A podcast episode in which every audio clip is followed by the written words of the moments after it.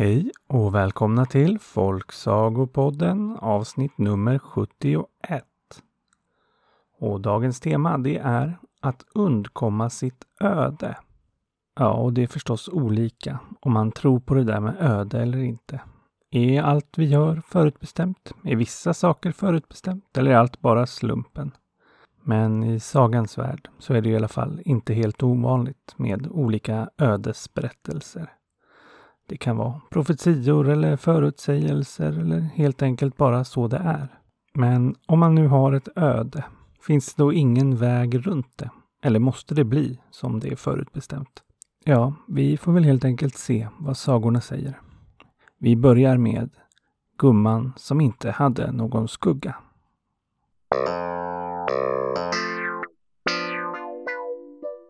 Det var en gång en flicka som inte ville ha några barn. Och det är ju inget konstigt för dig och mig idag. Men det här var på den tiden när man tänkte sig att alla flickors förutbestämda öde var att få barn. Ja, alla pojkars också för den delen. Men hon var helt bestämd. Och för att slippa skaffa barn så lät hon helt enkelt bli att gifta sig. För det här var på den tiden när man tänkte att man var tvungen att vara gift för att skaffa barn. Och så levde hon lycklig ganska länge. Men sen när hon blivit för gammal för att skaffa barn så tänkte hon att det kanske ändå vore trevligt att gifta sig. Hon hade ju dessutom kärat ner sig i en präst. Så det blev ett bröllop mellan prästen och gumman. Och hon och prästen levde ett fint liv tillsammans och aldrig ångrade hon att hon inte skaffade barn. Men så en dag, när hon och prästen var ute på en promenad, fick han se något konstigt. Gumman hade inte någon skugga. Och eftersom han var präst och därför mycket lärd så visste han vad det betydde när någon inte hade en skugga. Utan skugga blev den som hade försökt lura Gud och komma undan sitt öde. Och eftersom han var präst så tyckte han att det var mycket allvarligt att hans egen fru hade försökt lura Gud, som ju faktiskt var hans chef och allt. Så han försökte genast få gumman att berätta vad det var hon hade gjort, vilket öde det var hon hade försökt komma undan. Och först ville hon inte säga något. Men efter en lång och utdragen diskussion så erkände hon till slut. Ja, för förut hade hon sagt att hon inte hade gift sig därför att ingen hade friat till henne. Men nu berättade hon att hon istället väntat så länge med att gifta sig för att slippa skaffa barn. Och egentligen borde det kanske inte ha varit något konstigt. Men prästen, han blev rasande och arg när han fick reda på det här.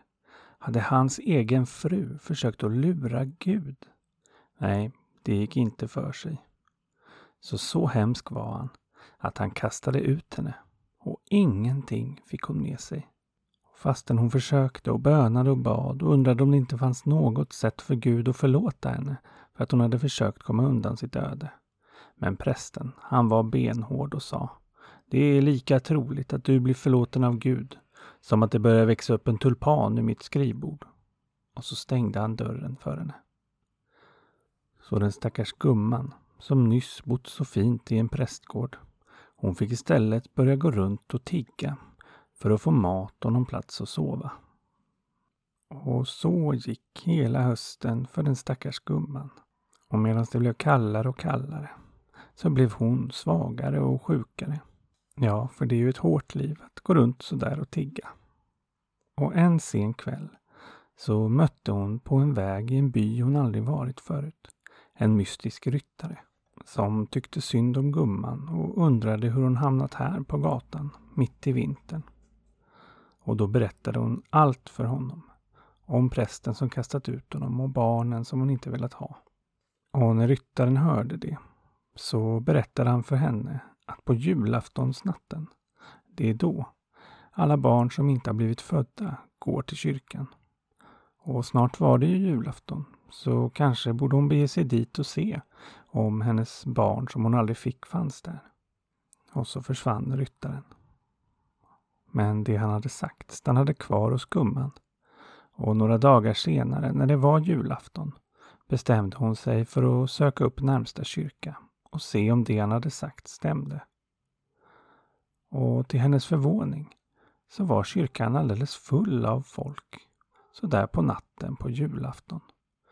Men hon kände inte igen en enda av dem. Nej, alla verkade vara främlingar.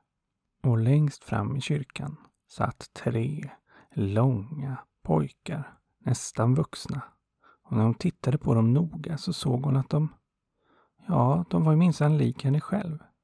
Och hon förstod att de där tre pojkarna, det var de barnen hon skulle ha fått. Så stod hon där och tittade på dem en lång stund och tyckte det var fina, välväxta pojkar och att de såg både snälla och kloka ut. Men trots det så var hon ändå glad att hon inte hade fått dem. För inte skulle väl de där pojkarna behöva ha en mamma som inte ville ha dem, tänkte hon. Och när hon tittat en lång stund så vände hon och gick ut igen i julaftonsnatten. När hon kom ut igen så hade vädret blivit hårdare. Det snöade ganska ordentligt och hon behövde hitta någonstans att sova. Så hon begav sig till en stor gård som låg alldeles i närheten av kyrkan och knackade på. Och fastän hon såg att det löst där inne så öppnade ingen på en lång stund. Men till slut så kom det en piga. Men hon sa att de var förbjudna att släppa in folk. Att deras husbonde inte ville ha några gäster, hur fattiga och eländiga de än var. Men pigan såg också att gumman var kall och trött och nog inte skulle orka gå någon annanstans. Så hon sa till henne att smyga in på höskullen och att hon kunde sova där. Dessutom gick hon och hämtade en bit bröd som gumman fick. Så hon klättrade upp på höskullen och la sig och sov. Men morgonen efter, när pigan skulle ut för att mjölka korna, hittade hon gumman död, ihjälfrusen där uppe på höskullen. Och först blev hon rädd och ville inte berätta något för sin husbonde eftersom han hade förbjudit henne att bjuda in någon. Men hennes husbonde var präst och han tog mycket illa vid sig om någon ljög. Och hon tänkte att han ändå skulle förstå att det varit en god gärning. Så han gick och hämtade henne. Och hon blev faktiskt inte så arg när han berättade. Men när han fick syn på gumman så blev han alldeles förskräckt. Han kände genast igen henne. Det var ju hans gamla fru. Ja, det var den prästen som gumman hade gift sig med, som sedan dess flyttat till en ny prästgård. Och som han fick ångra att han bara kastat ut henne nu när han fick se henne ligga där. Men han försökte tänka att det var rätt eftersom hon hade försökt lura Gud och sitt öde. Ja, så många känslor får över honom att han inte visste vad han skulle göra. Så han bestämde sig för att gå till sitt arbetsrum och fundera. Kan ni tänka er? När han klev in fick han se att på sitt skrivbord, direkt ur bänken, hade det vuxit upp en tulpan som precis slagit ut. Ja, det där var ingen snäll präst tycker jag. Hoppas han skämdes ordentligt. Men där fick vi ändå se att det verkade gå ganska bra att undkomma sitt öde. Även om det var en del hemskheter på vägen förstås. Vi får se om det går bättre för huvudpersonen i nästa saga. Prinsen med tre öden.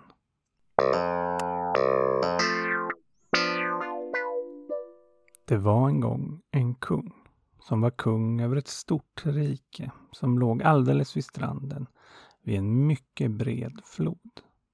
Kungen var mycket rik och mäktig och hade allt han kunde tänkas vilja ha och behöva. Utom en sak. En son som kunde ta över efter honom. Som han längtade efter att få en son. Och så plötsligt en dag så hände det. Hans fru väntade barn. Och när det föddes så visade det sig vara just en pojke. Så lycklig som kungen blev han ställde genast till med en stor, stor fest där han bjöd in alla möjliga. Och hedersgäster, det var förstås de goda feerna som skulle kunna hjälpa hans son att få ett lyckligt och långt liv. Och det var en mycket stor och fin fest. Men när feerna kom och fick syn på pojken så blev de alla mycket oroade Och kungen ville förstås genast veta varför. Och då berättade de för honom att de hade sett pojkens öde. Han skulle dö ung. Men hur? Hur kan det ske? undrade kungen. Och feerna berättade att de såg tre möjliga vägar som pojken skulle kunna dö. Genom en hund, en orm eller en krokodil. Och kungen han blev förstås förtvivlad. Skulle hans älskade son dö ung? Det vägrade han gå med på. Det måste finnas någonting man kunde göra. Feerna var ju magiska. De måste kunna bryta det här ödet på något sätt. Men feerna skakade bara sorgset på huvudet och förklarade att ett öde, det kunde de inte förändra. Och genast så blev festen förstås en mycket sorgligare historia. Men snart var kungen glad igen. Han hade ju sin pojke och han var ju så rik och mäktig. Nog skulle väl han kunna skydda sin pojke från det här ödet. Så han lät börja bygga ett stort slott högst upp på ett berg. Där skulle prinsen få bo. Och där skulle han ha vakter omkring sig vid alla tider på dygnet som såg till att inga hundar, ormar eller krokodiler kom ens i närheten av honom. Och snart var slottet färdigbyggt och det var mycket vackert och stort och hade en stor vacker terrass där pojken kunde vara ute och leka. Och kungen anställde många, många vakter som vaktade dygnet runt. Och där levde pojken lycklig i många år och såg inget annat än slottet och den stora terrassen. Men ju äldre han blev, ju mer blev det som det ofta blir med människor, att han blev mer och mer nyfiken på vad som fanns bortom det han såg. Och till slut så kunde hans pappa inte längre hålla honom instängd bara på slottet, utan han fick börja ge sig iväg på små äventyr, förstås med många vakter omkring sig. Och det var på en av de här utflykterna som han en dag fick syn på en hundvalp. Ja, hur det kom sig, det visste egentligen ingen, för hundar var förbjudna i närheten av slottet. Men hundvalpar är ju som de är, precis som människor, nyfikna. Kanske hade den letat sig iväg lite längre än den borde. I alla fall så blev prinsen mycket nyfiken på vad det där var för ett konstigt litet gulligt och mjukt djur. Och först så vägrade vakterna att berätta eftersom de kände till hans öde. Men den lille prinsen vägrade ge sig. Och till slut så var de tvungna att berätta att det där, det var en hund.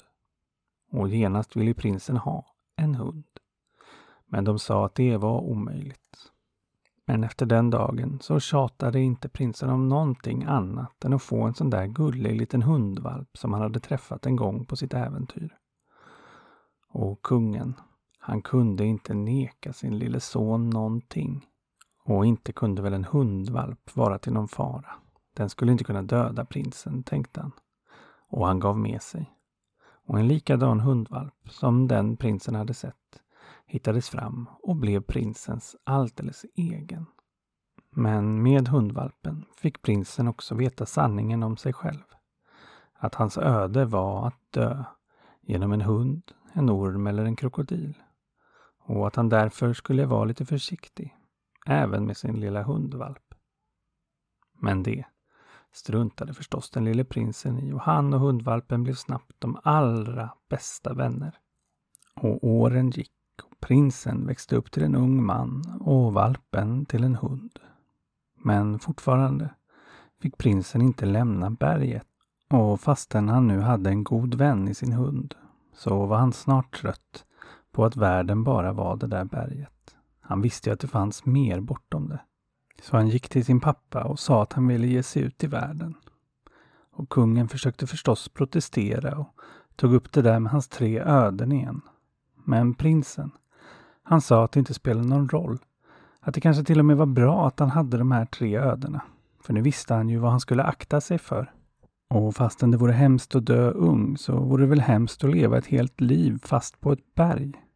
Och han kunde ju ta med sig livvakter och han hade ju dessutom sin hund som vaktade honom. Och till slut så var pappan övertygad. Prinsen skulle få ge sig ut i världen. Och han visste genast vad han ville upptäcka först. Floden. Så han fick ett skepp av sin pappa och seglade iväg över den breda, breda floden. Ja, så bred var den att man inte såg andra sidan. Och det tog flera dagar att komma över till den. Men till slut så var de framme. Prinsen, han tyckte det var fantastiskt att få resa över floden och han och hans vän hunden var mycket lyckliga.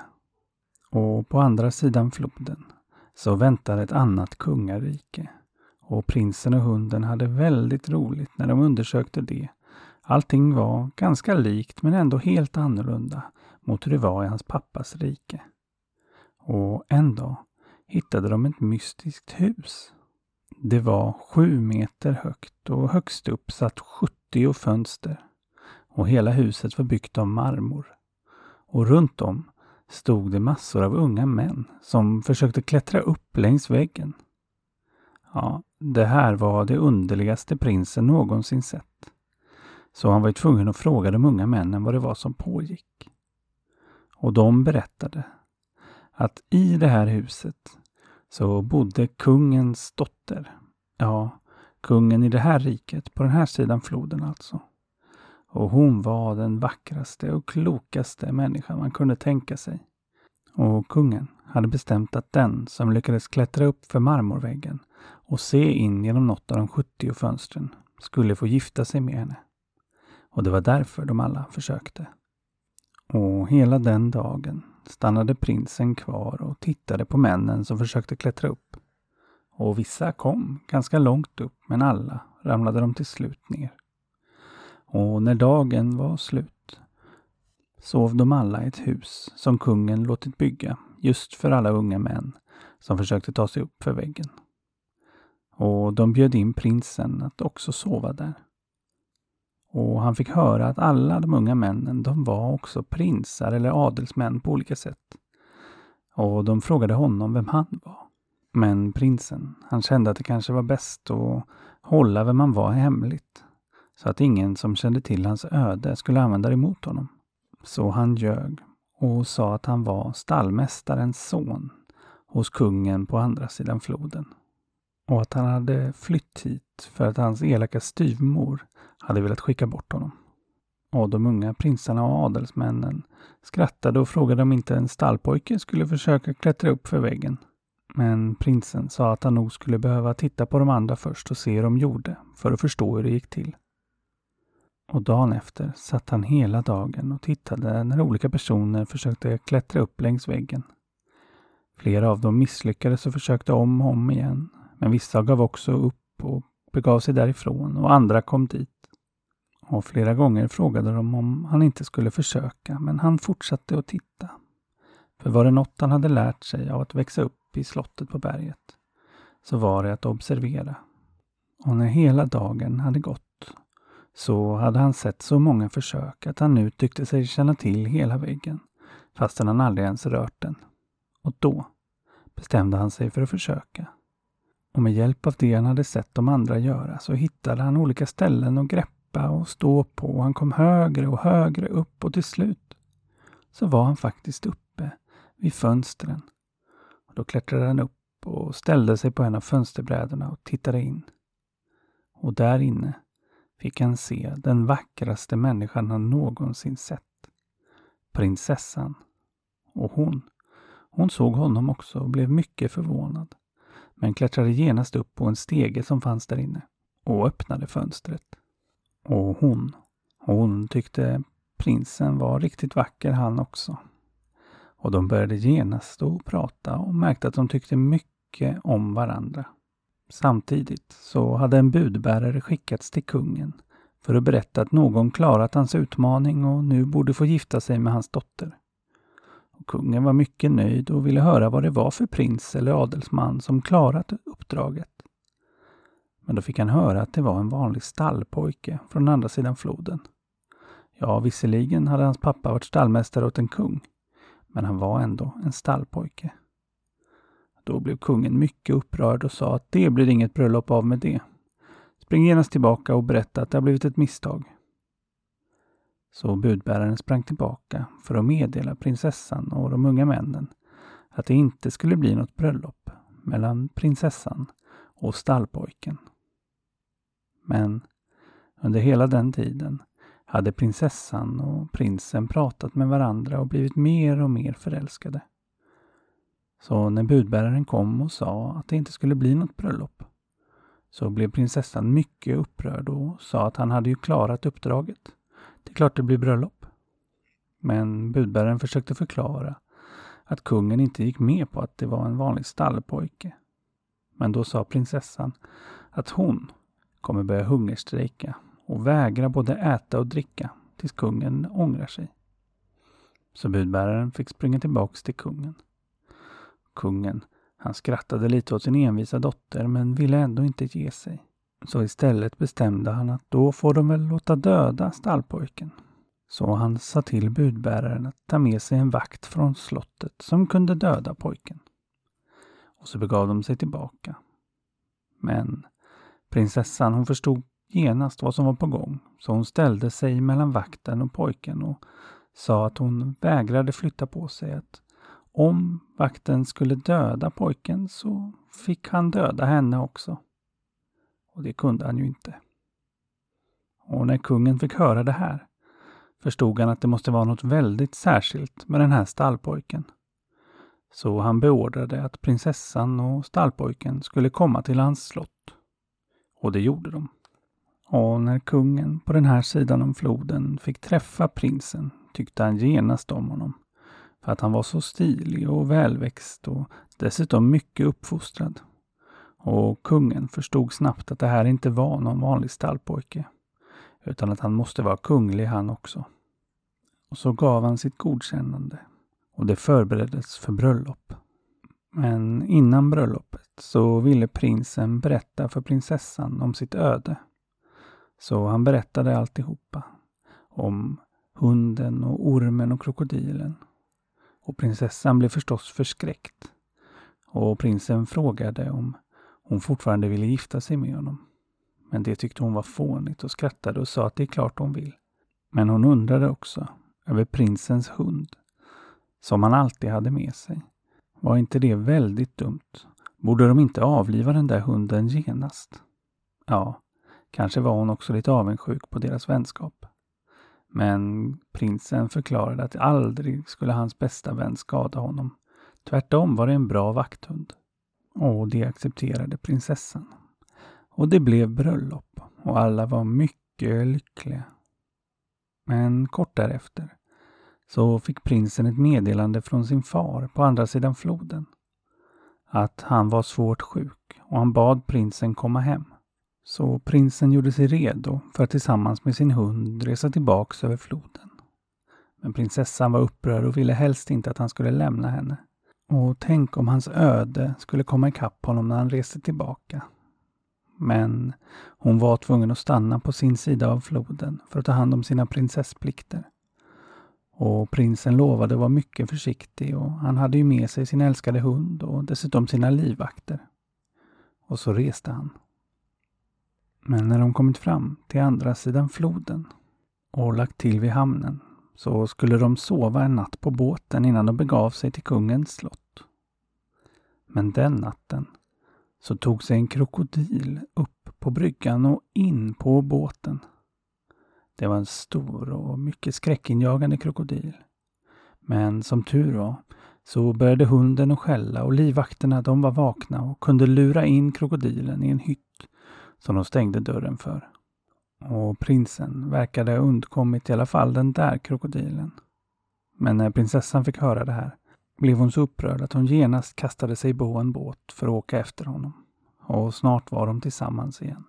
Och de begav sig tillsammans till slottet där prinsessan fick träffa sin svärfar, kungen, som nu var mycket gammal och sjuk. Och den första natten när de sov på slottet så vaknade prinsessan och tyckte sig se en underlig skugga i hörnet av deras rum. Och ju längre hon tittade på den, ju mer verkade skuggan växa. Och till slut så såg hon att det var en stor orm som hade kommit in i rummet. Hon blev genast förskräckt, inte bara för att det var en orm i sovrummet utan dessutom för att hon mindes sin mans öde. Hon förstod att det här måste vara ormen som skulle kunna bli hans död och hon förstod att hon var tvungen att hålla sig tyst och lugn. Skulle hon kalla till vakterna kanske ormen skulle bli rädd och gå till attack. Men mycket försiktigt smög hon upp ur sängen. Och då kom hon ihåg någonting. Om det finns någonting som ormar tycker väldigt mycket om så är det mjölk. Och alldeles vid sängen så hade hon en fin kruka med mjölk som hon fått i gåva av sin svärfar.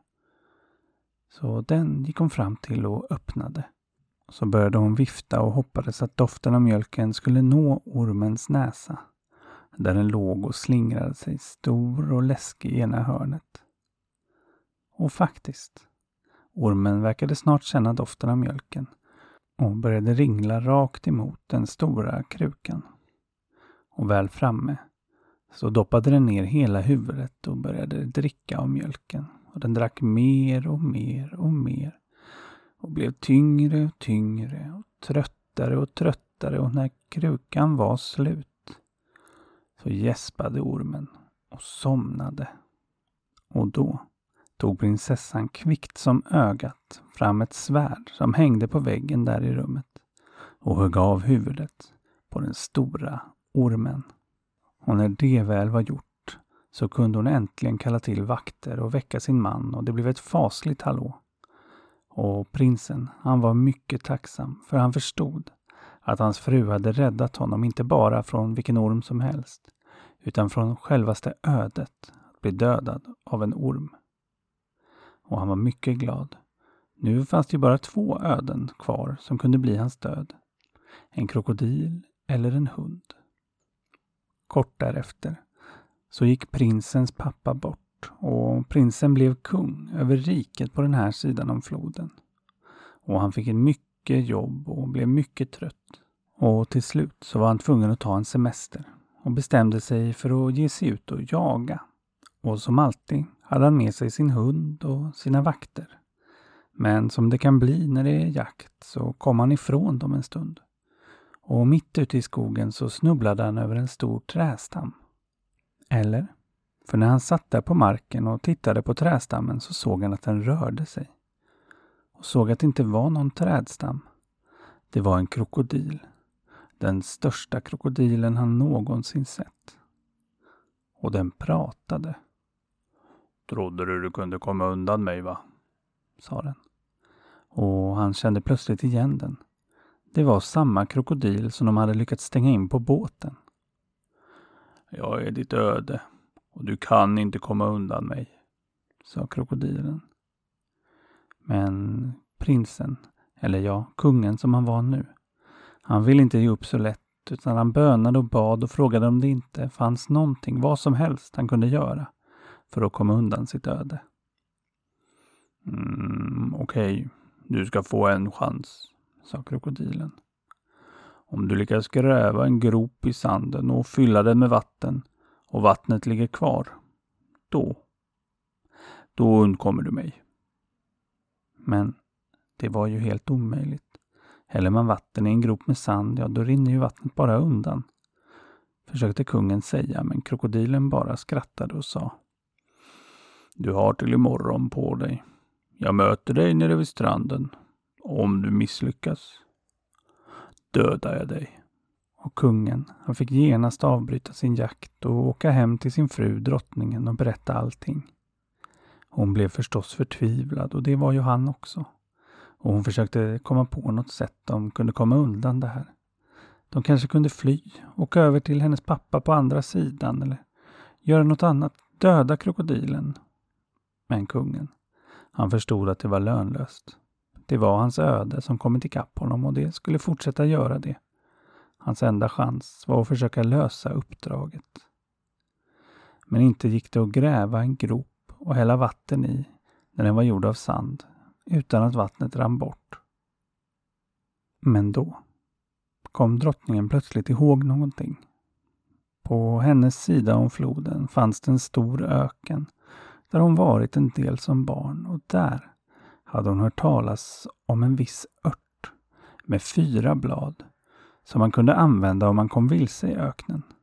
För hade man den så kunde man samla vatten även i sandgropar. Ja, det lät alldeles otroligt men det var i alla fall en chans. Så drottningen hon lovade att genast ge sig iväg och hitta den där örten. Och hon sa till sin man att ha gropen redo dagen efter och att hon då skulle komma. Och det blev en svår resa rakt ut i öknen mitt i natten för att försöka hitta den där örten. Hon mindes att de skulle växa på berg och snart hade hon hittat ett berg men det var väldigt svårt att klättra. Det var vassa klippor som satt löst och hon fick om och om försöka ta sig upp. Hennes händer blev allt mer såriga och timmarna gick. Snart skulle det vara dagen efter och tiden var ute. Hon tänkte att kanske hon skulle bli den som dog först och då skulle hennes man också dö om hon inte lyckades få tag i örten.